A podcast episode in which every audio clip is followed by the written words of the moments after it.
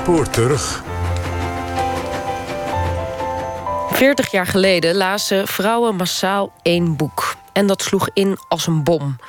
Sinds een tijdje is de term feminisme weer helemaal terug... maar het heeft nu toch een iets andere agenda. In 1976 moest bijna alles nog worden bevochten. En de publicatie van De Schaamte voorbij van Anja Meulenbelt... speelde daarin een belangrijke rol. Hoe? Dat hoort u in de volgende documentaire van Julie Blusset en Michal Citroen... over 40 jaar Schaamte voorbij. We nemen u mee 40 jaar terug in de tijd naar 1976. Even wat hits van dat jaar om in de stemming te komen. In januari meteen al de grootste aller tijden blijkbaar, want nu nog nummer 1 in de top 2000. Veel ABBA dat jaar. Met de Dancing Queen over dat meisje op zoek naar de ideale man. En onvergetelijk Juan Leclerc natuurlijk. Want op deze melodie rijden we die zomer allemaal naar Frankrijk. This melody is a melody for you. En we dansen s'avonds op Tavares met Heaven Must Be Missing an Angel. Na het einde van 1976, Chicago. If You Leave Me Now. We gaan in dat jaar naar de bioscoop voor onder andere All the President's Men, Taxi Driver en Novecento. Wat vond u van het afgelopen jaar? Nou, wel goed. Nou, een vreselijk duur jaar. Dat je, en, en veel ontwikkelingen, dat je niet weet waar je aan toe bent. Nou, niet zoveel bijzonders. Nou, ik zie geen verschil met andere jaren. Iets is beter vind ik het toch wel. Huh? Kwakkeljaar. 1976 is Joop den Uyl minister-president. Wordt Jimmy Carter verkozen in Amerika. Ontvangt Almere de eerste bewoners. Is de eerste uitzending van Sesamstraat. Wordt prins Bernard betrapt op omkoping in het Lockheed-schandaal. Wordt Ulrike Meinhof dood in haar cel aangetroffen. Bevrijden Israëli's een gekaapt vliegtuig in Entebbe. En overlijdt Mao Zedong. En het is mij toen ontgaan. Maar in december staat nummer 1 in de boekentop 10... Leven en werk van een kabouter. En op 2, hij was er één van ons. Ook van Rien Poortvliet. Een maand later is Rien van de troon gestoten. Door de schaamte voorbij van Anja Meulenbelt. Lieve Anja, zondag, vandaag, heb ik de schaamte voorbij gelezen. In één ademtocht. Woorden ontbreken om je ervoor te bedanken. Ik schreef nadat ik enkele hoofdstukken gelezen had de volgende regels. Mijn ogen vol tranen. 1, 2 waterplassen. Omdat herkend werd wat herkend moest worden. Dezelfde gevoelens. Anja, ik besluit mijn briefje met de enige woorden die telkens weer in mij opkomen. Hartelijk dank, één van je vele lezeressen. Als je mij vraagt van hoe groot was nou de publicatie van het boek De Schaamte Voorbij... dan was dat het evenement van 1976 en waarschijnlijk ook 1977 in de vrouwenbeweging. Dat was het boek waar iedereen het over had, of je het nou gelezen had of niet. En de meeste mensen hadden het natuurlijk wel gelezen. En uh, dat was waar je, ja, waarvan je onderling uitwisselde wat voor betekenis dat, wat je wel of niet herkende, wat er, wat er ja, wat, wat voor relatie het had met je rest van je leven. Irene Costera-Meijer, hoogleraar mediastudies en ze schreef een boek over het thema van de schaamte voorbij. Het persoonlijke wordt politiek. Over feministische bewustwording in Nederland tussen 1965 en 1980. Ik was op een, eh, op een vrouwenfestival en dat was al vier jaar later, in 1980, kan je nagaan. En toen werd er gevraagd aan mensen, aan alle bezoekers van het festival, en het waren een paar honderd, van nou, wat is nu je, het boek wat het meest indruk op je gemaakt heeft, wat het belangrijkste voor je geweest is als het ging om je feministische bewustwording.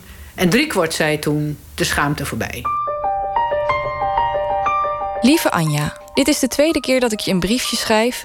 En ook nu is dat weer om dezelfde reden. Ik ga je allemaal niet haarfijn uit zitten leggen welke gedeelten van de schaamte voorbij zo heel erg bijzonder voor mij zijn. Want dat heeft niet zoveel zin. Ik hoop nog eens in de gelegenheid te zijn om wat verder te komen. En ook eens met jou over al die dingen te kunnen praten. Omdat jij vanaf dit moment mijn grote voorbeeld bent. Nou, meid, ik hoop niet dat dit een te truttig briefje is geworden. Ik moet er nu vandoor, dus wens je het allerbeste. Dag Anja. Zaterdag, na de abortusmanifestatie, was ik voor het eerst in het Vrouwenhuis in Amsterdam. Daar liep jij ook rond. Ik ben niet naar je toegestapt. Waarom? Op de eerste plaats omdat ik mij kan voorstellen dat het voor jou ook wel griezelig is. Zo'n wildvreemd mens die een heleboel van jou weet en jij weet niks van haar. Op de tweede plaats omdat ik zelf veel te bang ben voor anderen. Ik wil liever niet meer zo leven. Maar ja, dank voor je boek.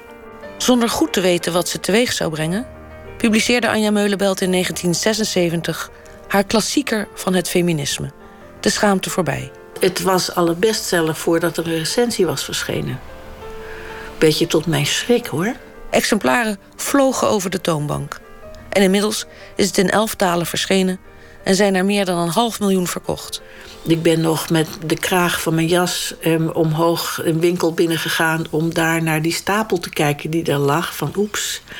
En eh, er kwam een meneer en die knakte dat boek toen op. En ik had echt zoiets, leg terug, leg terug, dat is niet voor jou bedoeld. En toen realiseerde ik me wel dat het, dat het een kind was dat de deur uit was. Daar had ik niks meer over te zeggen. En, uh, en dat ging maar door. Uh, uh, ja, de 23ste druk, de 24ste druk. En ik heb wel heel snel begrepen dat ik geen mediaobject wilde worden. Dus ik heb de eerste maanden geweigerd om interviews te geven en mij ook uh, waren geen foto's van mij. En dat was wel makkelijk, want dat zou nu met, met de social media niet meer hebben gekund.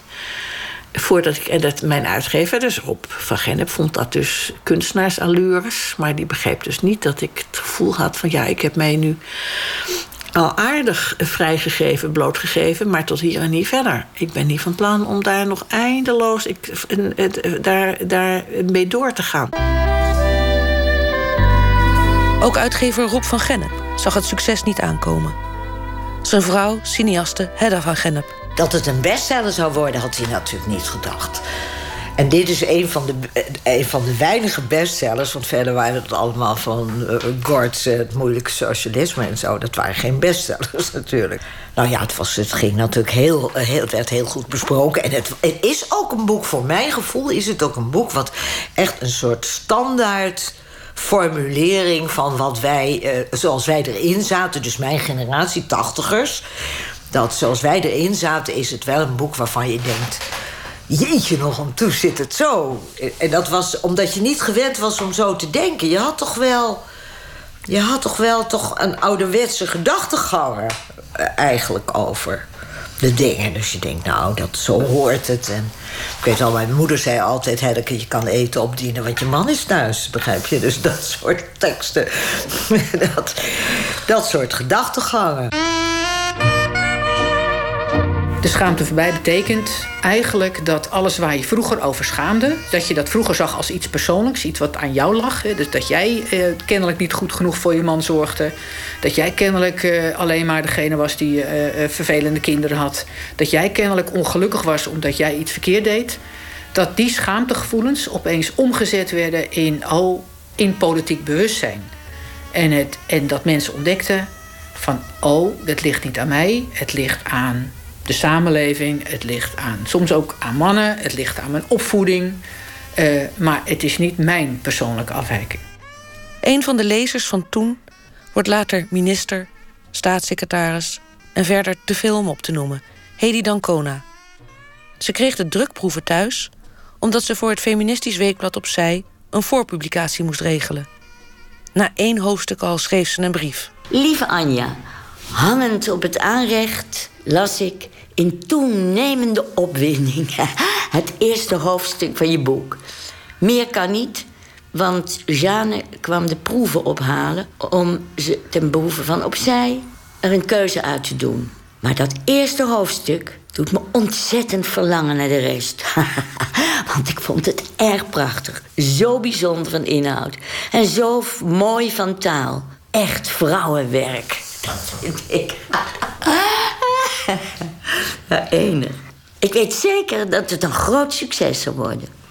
En dat ontzettend veel vrouwen er blij mee zullen zijn. Veel sterker als iedereen over je heen gaat poelen. Maar jij bent al prima gewapend tegen dat effect, geloof ik. Heel veel groeten van Henk. Nou, dus uh, dit is dus precies die opwinding die ik met wat meer woorden probeer. Maar zo dacht ik er dus over. Ja, er zat van alles in. Er zat de, de, relaties tussen vrouwen en mannen in die linkse beweging... met al die progressieve mannen die dan eh, in de werkelijkheid... toch nogal tamelijk uh, tegenvielen. En er zat uh, alleenstaand moederschap in. Er zat mishandeld zijn in. Er zat een mooie grote liefde voor een vrouw in. Uh, dus uh, er zat de seksuele revolutie in. Uh, dus er zat, er, ja, qua hoeveelheid ervaringen zat het natuurlijk mutvol met, met aanknopingspunten waar mensen wat mee konden als ze dat lazen. Het opmerkelijke voor mij is in het begin, dat als je het boek begint te lezen, dan heb je niet het gevoel alsof je in de jaren 70 zit, maar echt het gevoel alsof je in, in de jaren 40 of 50 zit. Anja die is dan die is een tienermeisje, die is zwanger geraakt van een Oostenrijkse uh, vakantieliefde. Daar begint het verhaal eigenlijk. En dan verandert ze in een mum van tijd van een scholier in een soort uh, straatschuwe huisvrouw die alleen maar thuis voor haar zoontje zit te zorgen. Bladzijde 49 hier. Het geld is bijna op. Met Tony's systeem wil het niet lukken. Hij wordt steeds driftiger. Ik praat bijna helemaal niet meer. Ik zeg eens in een aanval van moed en wanhoop dat ik wil scheiden. Tony lacht me uit. Waarom? vraagt hij. Waar wil je naartoe? Ik weet het niet. Ik weet niet wat ik wil. De toekomst is een groot gat vol met afwas en boodschappen. Maar als ik dan een keer terugkom van boodschappen doen en armen in blauw geslagen vind, knapt er iets in me. Ik hoor mezelf schreeuwen met een stem die ik niet herken. Voor mezelf kan ik niet vechten, ik besta niet eens. Maar voor Armin? Ik besef dat ik weg moet, het hindert niet waar naartoe. Ik wil scheiden. Tony zegt onzin, het gebeurt niet. En hij zegt dat hij Armin kan houden als ik wegloop... of hem terugkomt halen als ik hem meeneem. Een Oostenrijks kind tenslotte. In Oostenrijk is de vader altijd voogd. Ik ga in staking, kook niet meer voor hem. Zwijg dagenlang, wil niet meer geneukt worden. Gooi het potje thee om dat ik voor mezelf heb gemaakt... als Tony zijn hand uitsteekt om zichzelf in te schenken. Sluit mijn ogen, wachtend op de klap die moet volgen. Maar er komt niets. Te veel opstand tegen het gezag verbijstert hem. Hij weet niet meer wat hij moet doen. Als Tony probeert om mijn onwillige lijf te dwingen, zet ik mijn nagels in zijn rug, voel zijn huid scheuren, bloed onder mijn nagels. Tony vloekt. Geef toe, wil een deal sluiten. Als ik drie keer per week mijn echtelijke plichten vervul zoals dat hoort, twee maanden lang zal hij me laten gaan. Ik ga erop in. De enige ruzies die we dan nog hebben eh, komen als hij vindt dat er een nieuwe week is ingegaan en wil neuken en ik zeg dat het nog de oude week is en hij al drie keer is geweest. Zakken vol brieven kreeg Anja. Van bekende, maar vooral ook onbekende vrouwen over het hele land. En ook mannen. Een tsunami van brieven waarvan wij er maar een paar hebben uitgekozen. Lieve Anja, verslonden heb ik je. Je ging mee in bad, mee naar de play, mee in bed. Het was voor iedereen in mijn omgeving koppendicht en opzooien. Ik wil lezen. Er gebeurt van alles met me. Grenzeloze woede tot intense verwarring, onrust in mijn lijf en vooral in mijn buik. Vrouwen in mijn omgeving en ieder op zijn eigen manier vol herkenning en met stomheid geslagen. Dat we ons zo in de luren hebben laten leggen en bezield met nieuwe kracht voor voorlopig een strijd zonder einde. Ik hoop je te ontmoeten. Tot dan. Veel probeert Anja te beantwoorden, maar dat is niet vol te houden. Nou, ik, ik vond het wel een beetje mijn plicht om dat te doen. Maar eerlijk gezegd heb ik die... Uh, ik heb ook geloof ik een, een hele vuilniszak met brieven gewoon maar weggedaan. Ook omdat ik niet mee geconfronteerd uh, wilde worden met wat ik allemaal niet had gedaan. Dus uh, het, het, was echt, het was echt te veel. En het, het, kijk, de, mensen hebben dan ook de neiging gehad om dan hun hele leven aan mij te vertellen. In tien pagina's slecht leesbaar handschrift. Met het idee van: ik weet nou zoveel over jou. Jij zal ook wel ontzettend geïnteresseerd zijn in mij.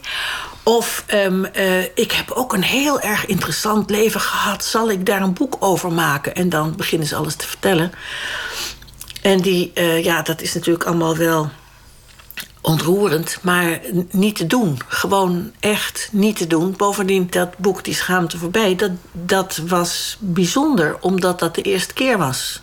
Maar de 29ste keer dat mensen het zo denken dat ze hun hele leven op moeten schrijven, is dat dus niet meer interessant. Je ziet letterlijk. Irene Kostra-Meijer. De bewustwording in die brieven terug. Mensen. Ja, dat, en dat is ook wat ze, wat ze losmaakt. Ik bedoel, het geeft je taal, het geeft je een interpretatiekader, het geeft je concepten, het geeft je een visie op wat er in jouw leven uh, ja, mis is wat je altijd zag als jouw persoonlijk falen.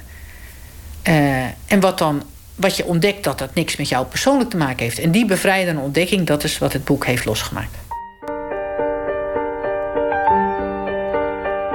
Het is dus eigenlijk pas jaren later dat ze feminist wordt, zullen we maar zeggen. Dat ze terechtkomt in, in, in, in praatgroepen. En dat ze langzamerhand ook begint te beseffen dat wat zij eerder heeft meegemaakt, dat dat misschien dus niet alleen maar persoonlijk leed was, maar een politieke ervaring. En daar, dat is eigenlijk min of meer een soort van samenvatting van het hele idee van persoonlijk is politiek, wat, wat er dan komt. Kijk hier, bladzijde 56. Ervaringen die geen naam hadden, die ik zo individueel beleefd had dat ze niet naar de oppervlakte kwamen. Pas achteraf besef ik dat ik psychotisch ben geweest en dat niemand het merkte zolang ik doorging met me aan de buitenkant normaal te gedragen.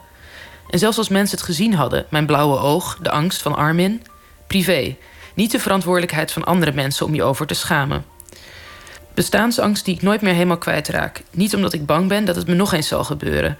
Omdat ik in een maatschappij leef waarin dit mogelijk is. Waarin vrouwen geen bescherming hebben tegen wat ze in hun privéleven kan worden aangedaan. Als een Surinamer op straat in elkaar wordt geslagen, is dat politiek. Als een vrouw wordt mishandeld in haar huis, zijn dat privémoeilijkheden, relatiestoornissen. Als arbeiders geen zeggenschap hebben over de productie in de fabriek, is dat politiek. Als vrouwen geen zeggenschap hebben over hun eigen leven, niet weg durven lopen omdat ze nergens naartoe kunnen, omdat ze bang zijn voor wraak of dat de kinderen van hen afgenomen worden, dan is dat privé. Ze moeten het zelf maar oplossen, elk apart. En als we kwaad worden, komen onze linkse kameraden ons vertellen dat we neurotisch en hysterisch zijn. Dat we de hoofdtegenstelling vergeten. Dat we apolitiek bezig zijn. Dat we ons tegen mannen afzetten terwijl we het toch samen moeten doen. Lieve Anja, een steengoed boek. Geen enkele man heeft ooit een dergelijk open en eerlijk boek geschreven. Het eerste boek waarin de schrijfster alles over zichzelf vertelt. Goed hoor dat je zo ver bent. Ik weet het soms helemaal niet. Ik ben pas verhuisd naar Drenthe en het is hier verschrikkelijk. In Amsterdam had ik na twee jaar vrouwenpraatgroep mijn rust gevonden. Ik wist hoe ik leven wilde en deed het ook. Hier wordt alles weer aan het wankelen gebracht. Het is onvoorstelbaar hoe achter ze hier lopen. Vrouwen zitten gevangen tussen man en kinderen, zijn niet tevreden, maar durven dat niet te zeggen. Met geen enkele vrouw heb ik tot nu toe een goed gesprek gehad. Ook aan mannen krijg ik steeds meer de pest. Ik let nu veel meer op discriminerende feitjes en ik leg op alle slakken zout. Je moet hier bij de kachel zitten met een knotwol, koffie pruttelend en getrappel in je buik van je eerste kind. En daar heb ik geen zin in. Godverdomme. Anja, bedankt voor je boek. Een brievenschrijfster uit Rotterdam schrijft dat ze het boek wel aan tien mensen wil geven om te laten lezen. Het is een stimulans haar om net als Anja naar de sociale academie te gaan. En dat bepaalt haar verdere carrière. Ik heb het voor de helft gelezen. En toen uh, vond ik het wel genoeg. Ik, ik werd daar gewoon als een man afgeschilderd. Ik, denk, ik herkende mezelf totaal niet. En, uh, zeker niet in het huwelijk dat wij hadden. Ook haar man leest deels mee. Een oude vrouw die, uh, die toen uh, in ons leven kwam... toen had je natuurlijk op de sociale academie... waren aardig wat dames die dan ook hier langskwamen. Die waren ook een beetje radicaler geworden. En denk, nou...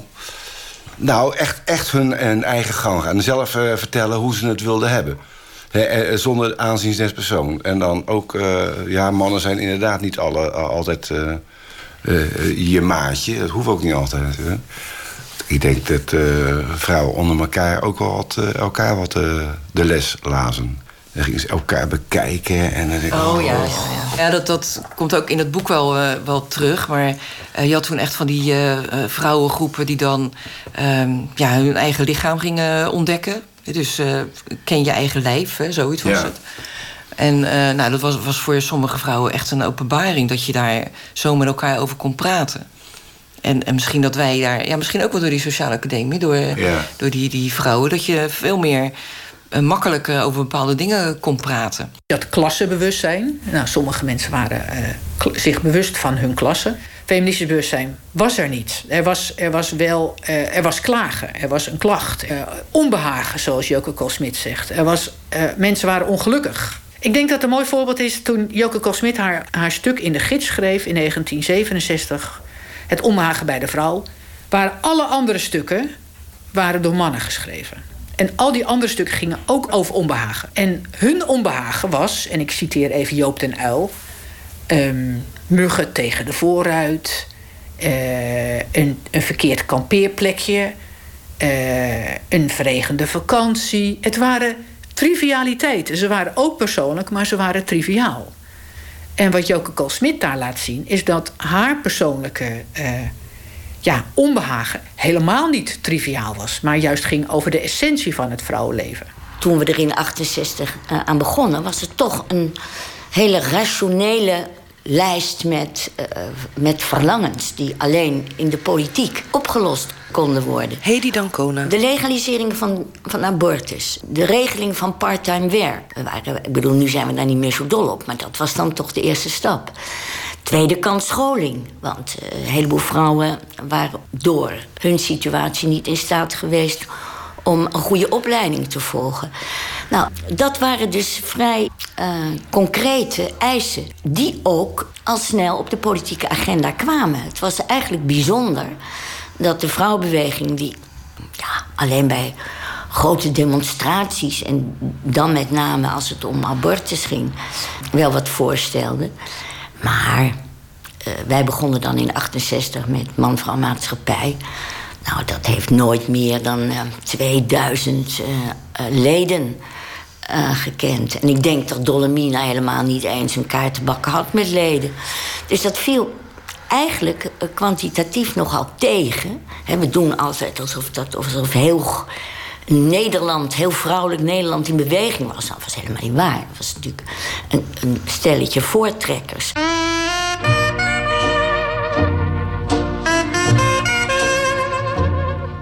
Het is zo grappig om te lezen dat, dat in die praatgroepen is. Het is in die gesprekken tussen alleen maar vrouwen. dat ze dan plotseling ontdekken dat ze allemaal dezelfde problemen delen. En dat is die problemen die zij hebben niet gewoon hun eigen problemen zijn. maar dat het dus eigenlijk vrouwenproblemen zijn die alle vrouwen hebben. Eén heel grappig stukje wat nu over, wat, over iets gaat wat, wat je nu bijna als een soort cliché zou benoemen. Het, het idee van vrouwen die, uh, die orgasmes faken. Maar ja, er is natuurlijk ooit een moment geweest... en dat heeft dus blijkbaar ergens... Uh, is dat in praatgroepen gebeurd in de jaren zeventig... Dat, dat vrouwen voor het eerst daarover gingen praten... en erachter kwamen dat ze dat dus allemaal deden. Hier is een stukje. Nel heeft al een tijdje niets gezegd en zit te draaien. Ik heb een probleem, zegt ze. Ik uh, durf er eigenlijk niet zo goed over te praten. Een stilte. Weet je, zegt ze dan aarzelend... Kijk, van gewoon neuken kom ik niet klaar... En met Fred was het zo, hij zei, met zijn vorige vriendin ging het wel goed. En toen ben ik gaan doen alsof ik klaar kwam. En later heb ik het wel doorgekregen dat dat onzin was, omdat vaginale orgasmes helemaal niet bestaan. En ik ben niet frigide, want ik kan heel goed klaarkomen als ik het alleen doe. En met mijn vorige vriend ging het ook wel goed, als hij zijn handen maar gebruikte. Maar nou zit ik, want ik kan moeilijk tegen Fred gaan zeggen dat ik al die keren maar net gedaan heb alsof. En ik kan nou ook niet meer zeggen dat hij het niet goed doet. Ik heb het ook vaak gedaan, zegt Vee, als het te lang duurde. En ik ook, zeg ik, omdat het zo'n gedoe is om het uit te leggen. En soms zijn het van die mannen van wie je van tevoren weet dat ze er niet tegen kunnen als je tegen ze zegt dat het niet zo goed gaat. Wie nog meer? vraagt Nel. Iedereen behalve Marie, die consequent weigert om toneel te spelen, het nooit heeft gedaan. Je hebt alleen jezelf er maar mee, zegt Marie. En de vrouwen naar jou. Als je een man niet meteen goed opvoedt, leert hij het nooit. Als drie vrouwen tegen hem gezegd hebben dat hij een uitstekende minnaar is, dan denkt hij dat hij nooit meer wat hoeft te leren. We kijken elkaar aan. We zijn gek, zeggen we. En we beloven elkaar dat we het nooit meer zullen doen. Op het vrouwencongres houden we een enquête. En dan blijkt dat drie kwart van de vrouwen wel eens net gedaan heeft alsof ze klaar kwam. Leven de seksuele revolutie, roept Alice. Godverdomme. Ik moet je wel zeggen dat als er één ding, uh, wat ik ook deed en wat in dit boek dus gewoon op papier gebeurde, dat wij uh, in die vrouwbeweging toch wel zeiden tegen elkaar. Wat voor die tijd absoluut niet gebruikelijk was. hoe slecht mannen het konden. Hoe stom ze deden. Hoe achterlijk. En die vrouwliefde bloeide ook wel, dat vrijen met vrouwen. Omdat vrouwen zelf nogal goed wisten hoe het lekker kon. En dat bracht wel een soort van onzekerheid. Die mannen die dachten ook toen dat vrouwenhuis zo floreerde... en bijeenkomsten waar alleen maar vrouwen uh, mochten komen dat we het al erover hun hadden. En dat was nou weer niet waar. Maar dat het onzeker, grote solidariteit tussen vrouwen. Toen dacht ik, oh, wat goed dat die vrouwen eh, eh, en ik zal ze ook doen. Gewoon aan elkaar vertellen hoe slecht die mannen het kunnen. En dat ze maar liggen te gillen en te roepen. Omdat het dan een beetje, dat ze er dan een beetje eerder van af zijn. Hè? Dat, dat wel, dat leerden we elkaar. Dat we gewoon moesten zeggen, nou dat was echt, dat stelde niks voor. En ik heb geen zin om klaar te komen. En voor die tijd, ja, stelden die vrouwen zich vaak zo aan dat die mannen dachten dat zij allemaal fantastische heren in bed waren. Nou, dat, dat boek ook. En, uh, en het feit dat vrouwen daardoor gewoon door te zeggen tegen elkaar... dat ze bijna nooit klaar konden omdat die mannen het zo raar deden. Dat was voor beide partijen, althans de goedwillende mannen... was het toch ook een soort les. Hedda van Gennep. Dat boek was ingeleverd op de uitgeverij. En ik weet nog heel goed dat we hebben hier zo'n voorkamer... en daar zat Rob altijd te werken en ik zat in de achterkamer... en dan komt Rob, ik kwam, kwam binnen in de kamer... Met, dan, eh, met het manuscript in zijn handen en zei tegen mij... ja, ik moet je wat zeggen, het, want hier heb ik een boek... en dat is geschreven door Anja Meulenbelt. En uh, daar kom ik in voor. Ik zei, hoe kom je daar dan in voor? Nou, daar kwam hij dus in voor, omdat de uitgever bij haar op bezoek was. En we hadden toen uh, deze vrije tijdsbesteding, zal ik maar zeggen... die voornamelijk uit neuken bestond. Dus, dus dat, dat hadden we. En hij kwam dat. En toen zei hij tegen mij nog, terwijl je toch meestal niet zo gevoelig was erop, zei hij tegen mij: Ja, ik wil niet dat je dat in dat boek leest voor het eerst. Dus ik kom je dat nu vertellen. Dus dat is eigenlijk het eerste wat ik daarvan hoorde. Kijk, en dat is in deze tijd zo moeilijk te... Anja Meulenbelt. Te, te, uh, te begrijpen. Want als je nu... Je kan geen damesblad, vrouwenblad openslaan... en daar vliegen de bekentenissen je om de oren. Uh, hoe krijg ik het beste orgasme? Ik vind mijn man niet lekker ruiken. Uh, weet je wat je allemaal niet tegenkomt?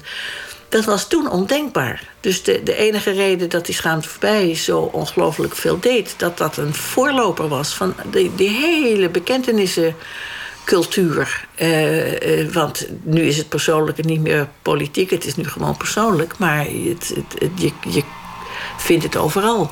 Dus zo'n boek zou nu ook niet meer nooit meer die, kan nooit meer die impact hebben die het toen had. Want toen was dat bijzonder om over seks te schrijven. En dat over te schrijven alsof het niet alleen maar leuk was. En over mishandeling te schrijven. En uh, nou, dat was toen. Seksualiteit in de jaren 60 was iets wat in het kader stond van bevrijding. Je moest je seksueel bevrijden. De pil was er, dus in principe kon iedereen het met iedereen doen. En je kon het überhaupt doen zonder dat je meteen het, gevaar liep zwanger te worden als vrouw. Dus dat werd gezien als iets waar je als vrouw ook recht op had. En overigens ook waar mannen recht op hadden. Want nu was er niet de angst dat vrouwen zwanger konden worden. Dus ook mannen konden rechten doen gelden op vrouwen.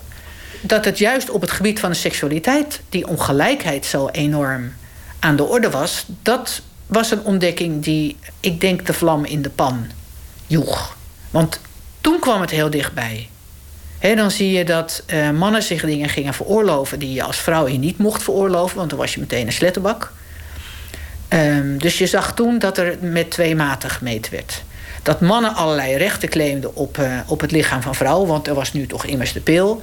En vrouwen moesten het niet wagen om diezelfde rechten te claimen. En overigens kwamen ze ook niet eens op, het, op de gedachte, want het is toch altijd maar een hoop gedoe, dat seks.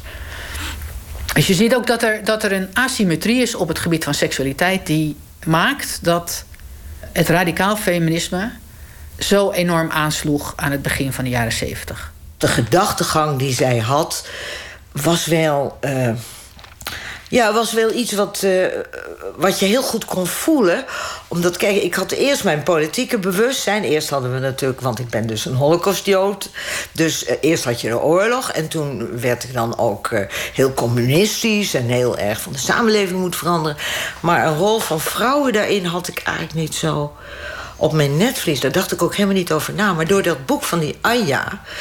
kreeg je ineens iets van, ja, zo is het ik, ik, ik doe maar en ik doe de boodschap en ik verdien het geld. En uh, ik, ik kreeg een enorm verontwaardigd gevoel over de situatie waarin ik mijzelf bevond. Toen ben ik opgehouden met koken. Dat vond mijn, mijn kinderen niet zo ontzettend leuk. Dus ik liet ook expres alles aanbranden.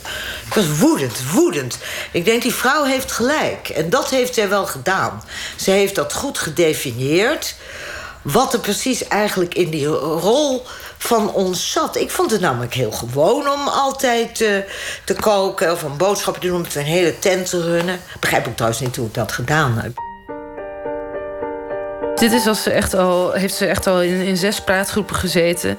Maar tegelijkertijd denkt ze van... nou, ik moet toch ook nog steeds mezelf op linkspolitiek gebied uh, laten bijscholen. Nou ja, krijg je een mooi inzichtje in, in uh, allemaal verschrikkelijke linkse mannen hier. ik ben Marx intussen nog niet helemaal vergeten. Vind dat mijn scholing in het marxisme nog te veel hiaten vertoon...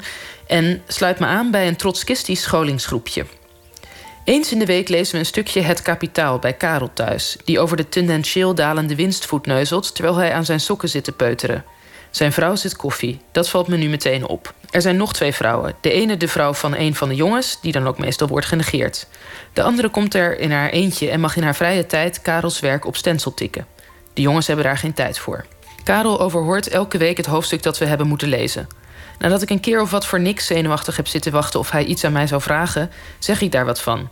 Dat hij nooit vragen stelt aan de vrouwen. Dat doet hij dan de volgende keer.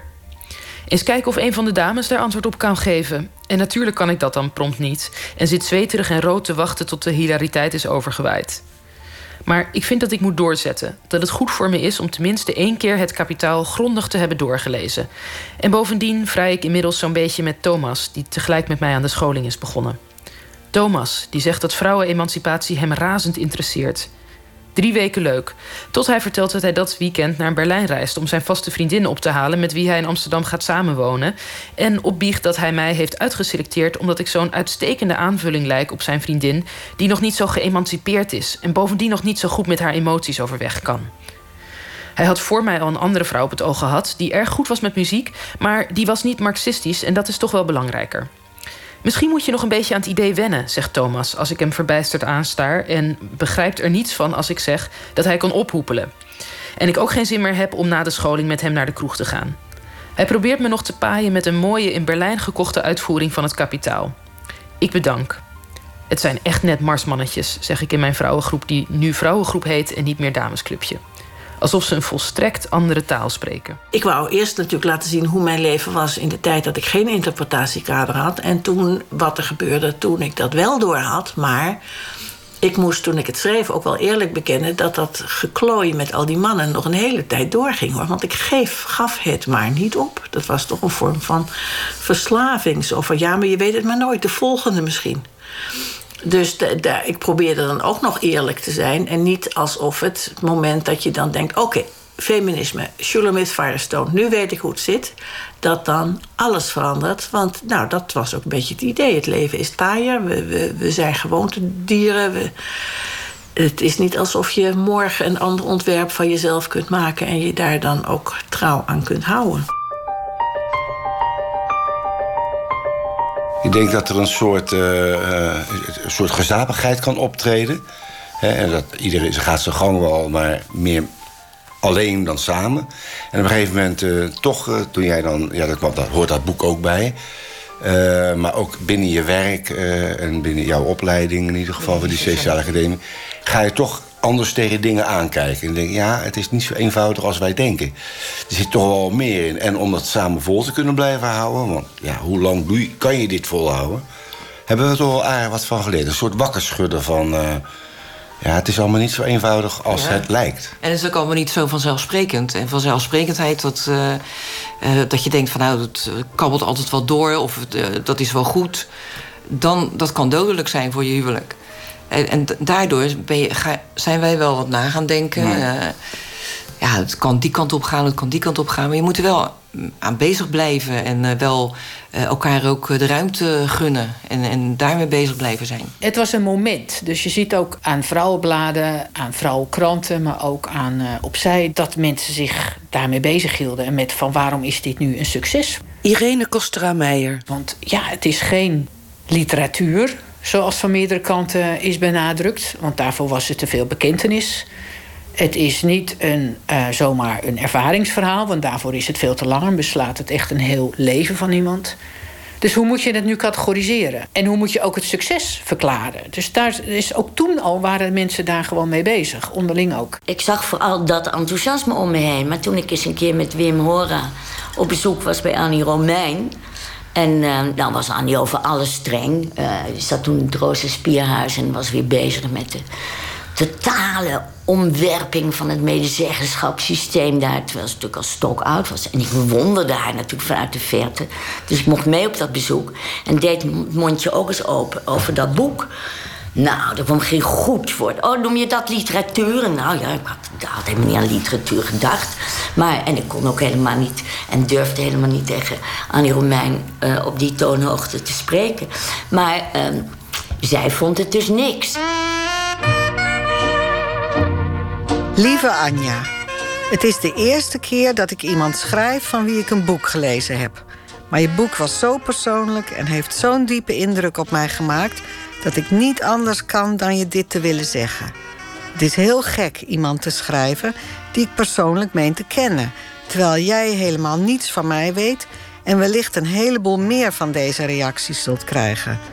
Hoewel jouw leven volslagen verschilt van het mijne, herken ik heel goed alle emoties die jij beschrijft. De pijn, de woede, de onmacht, maar ook de verliefdheid en de saamhorigheid met anderen. Er zijn maar weinig mensen met wie ik over deze dingen kan praten. Dan zou je zeggen dat ik in de verkeerde kringen verkeer, maar het zijn de mensen om mij heen, op mijn werk en in mijn dorp. Anja, ik wil dolgraag met je praten, maar ik zal niet de enige zijn. Heel veel dank voor je mooie boek. Kijk, als je over je eigen verleden schrijft, dan, dan naarmate het dichter in mijn eigen tijd komt, kom ik natuurlijk ook dichterbij. Uh, ja, een feministisch uh, denkkader. Maar ik moet eerlijk zeggen, ik heb het pas voor het eerst gelezen. Ik heb. er wordt vaak over ge.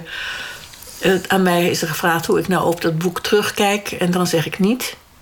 Uh, ik heb het wel eens geprobeerd. Ik vond het verschrikkelijk. Ik had ontzettend de neiging om tegen mijn jongeren zelf te zeggen: hou daar nou mee op met al dat geklier, met steeds maar die relaties waarvan je van tevoren toch kunt weten ondertussen hoeveel moet je er nou gedaan hebben om tot de conclusie te komen dat je op zoek bent naar liefde en dat het op die manier niet te vinden is. Uh, dus ik vond het ook ergerlijk. Ik vond het ook echt niet, uh, niet, niet. Voor mij was het niet te doen. Ik heb het pas geleden moest ik er wat fragmenten uitzoeken. En ehm, nou ja, dan heb ik maar met een beetje doorbijten... heb ik het hele ding nog eens doorgenomen. ik ben er ook wel passages in tegengekomen van ik dacht... oh, nou, dat is toch leuk, leuk, uh, leuk uh, verteld. Dus, uh, maar over het algemeen ik vond het niet te doen. Lieve Anja, hallo mens waar ik van hou. Bij het lezen van je boek voelde ik werkelijk hoe politiek ook het persoonlijke is. Ik voelde de onwaarheid om mij heen op zijn grondvesten trillen. Ik heb jouw ervaring in één ruk uitgelezen en voelde me blij en verpletterd daarna. Blij om de eerlijkheid en de hoop die eruit sprak, en verpletterd door de chaos.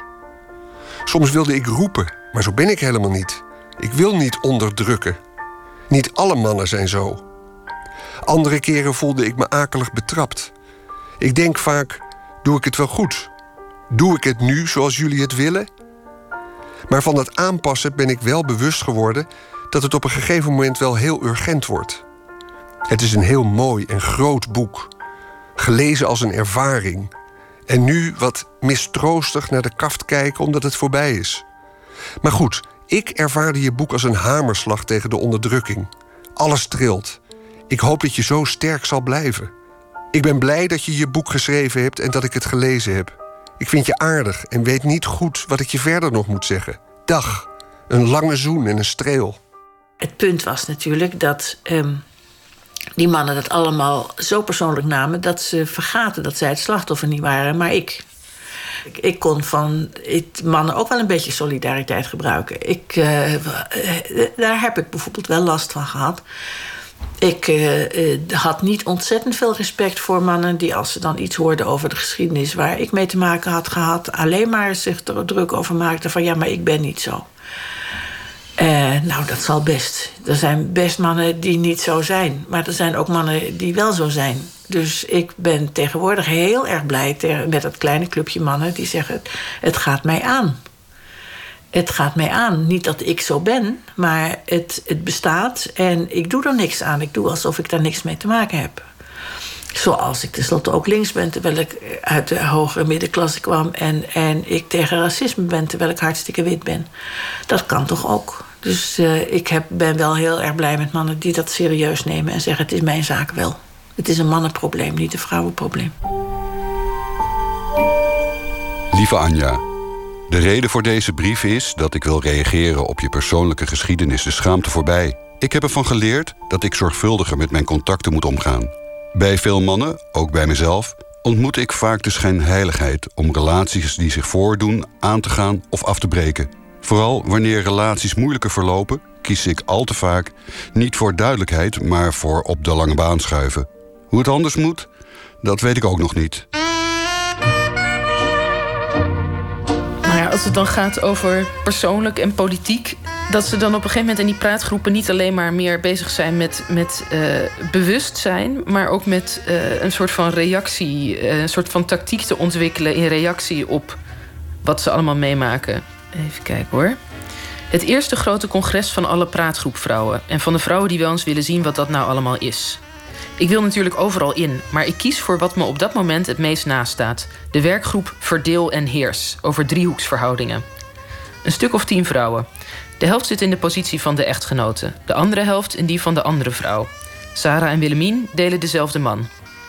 We zijn elkaars rivalen volgens de traditie, maar als we hier zo zitten, voelen we dat niet. Wat is het toch vreemd, zeggen we, dat het zo vaak voorkomt: een man in het midden, een vrouw aan elke kant. En alle twee de vrouwen ongelukkig. Hoe komt dat? Waarom pikken we dat? We laten ons tegen elkaar uitspelen, constateren we. Dit heeft niets te maken met alle mooie progressiviteit van elkaar vrijlaten. Want wij zijn niet vrij. Als ik kwaad word omdat hij vergeten is dat zijn ouders op bezoek zouden komen, dan loopt hij grommend naar haar, waar hij zich kan laten aaien en zich beklagen dat zijn vrouw zo zeurderig is de laatste tijd. En de vriendin zegt als ik kwaad word omdat hij beloofd had de hele avond te blijven en hij stapt na een uurtje weer op omdat zijn ouders op bezoek komen, dan rent hij terug naar zijn vrouw, want ik heb geen recht van spreken. Ik wist toch dat hij getrouwd was toen we begonnen. We worden tegen elkaar uitgespeeld, met elkaar in evenwicht gehouden. We worden het stereotype dat ons wordt toegeschreven. De vriendinnen de vlotte, sexy, probleemloze meiden. De echtgenotes de zorgzame, begripvolle boezems om het moederhoofd op te leggen. En geen van allen durven we eisen te stellen. Hoe doen jullie dat nou? vragen we aan Sarah en Willemien. Nou, het lukt wel zo'n beetje, zegt Sarah. We bewonderen ze, Sarah en Willemien, dat die het wel redden door zich niet tegen elkaar uit te laten spelen en vriendinnen te zijn van elkaar. Maar een jaar later is Sarah dood. Aan een overdosis pijn en een overdosis slaaptabletten. Ik heb ook wel een beetje de vraag moeten beantwoorden: van hoe komt het dat dit boek nou zo, zo gigantische werking heeft gehad? En het enige wat ik echt kan bedenken is dat het tijd was voor zo'n boek. Later werd gezegd van ja, dat doe je om, om bekend te worden en zo. Nou, dat helemaal niet. Want het was natuurlijk helemaal niet de memoires van een bekend iemand. Ik ben per ongeluk bekend geworden omdat ik dat boek had geschreven. Maar het ging er mij om. Ik wilde een boek maken waarin ik mezelf had kunnen herkennen als als ik de lezer was geweest. En ik heb veel, vaak in mijn leven de boeken geschreven die ik had willen lezen. Als het er niet is, dan moet je het schrijven. En uh, het ging erom dat ik nergens in geen enkel boek iets terug kon vinden over het soort dilemma's waar vrouwen van, onze, van mijn generatie, uh, van, die net met feminisme bezig waren, die net zich bewust worden, die probeerden op een andere manier te leven. Wat je dan allemaal meemaakt, dat was nergens te vinden. Dus ik dacht, nou ja, en toen heb ik gewoon de hele boel in één keer omgekiept in één boek. Waarvan Helle Hazen op boos zei. Ze heeft het materiaal voor drie romans in één keer weggegeven. Wat, nou, dat was ook wel, dat zal ook wel. Maar dat was ook niet. Met ik zat ook niet literatuur te maken. Ik dacht van nou, ik wil gewoon een boek maken waarin vrouwen die dingen meemaken, zoals ik ook meemaak, zich in kunnen herkennen en zich een beetje in bevestigd voelen. En ik wil het er vooral ook over hebben dat het niet zo makkelijk is. Want we hadden allemaal mooie theorieën over feminisme en hoe het moest. En, uh, maar niemand zei erbij van dat het, als je het moest als je het ging proberen te leven, dat dat nog wel eens tegenviel en niet zo eenvoudig was. En daar wilde ik het over hebben. Dus de, gewoon de levende, de levende achterkant van het feministisch bestaan. Oh.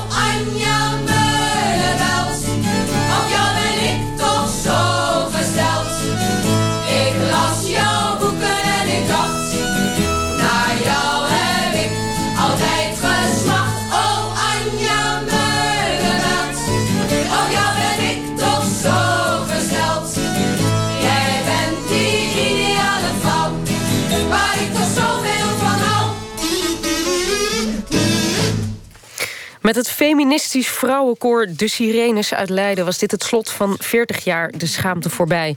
Met dank aan Anja Meulenbelt en Atria... het Kennisinstituut voor Emancipatie en Vrouwengeschiedenis... voor het beschikbaar stellen van de brieven... en met dank aan de vrouwen ook en mannen van de VPRO-redacties... voor het lezen van de brieven.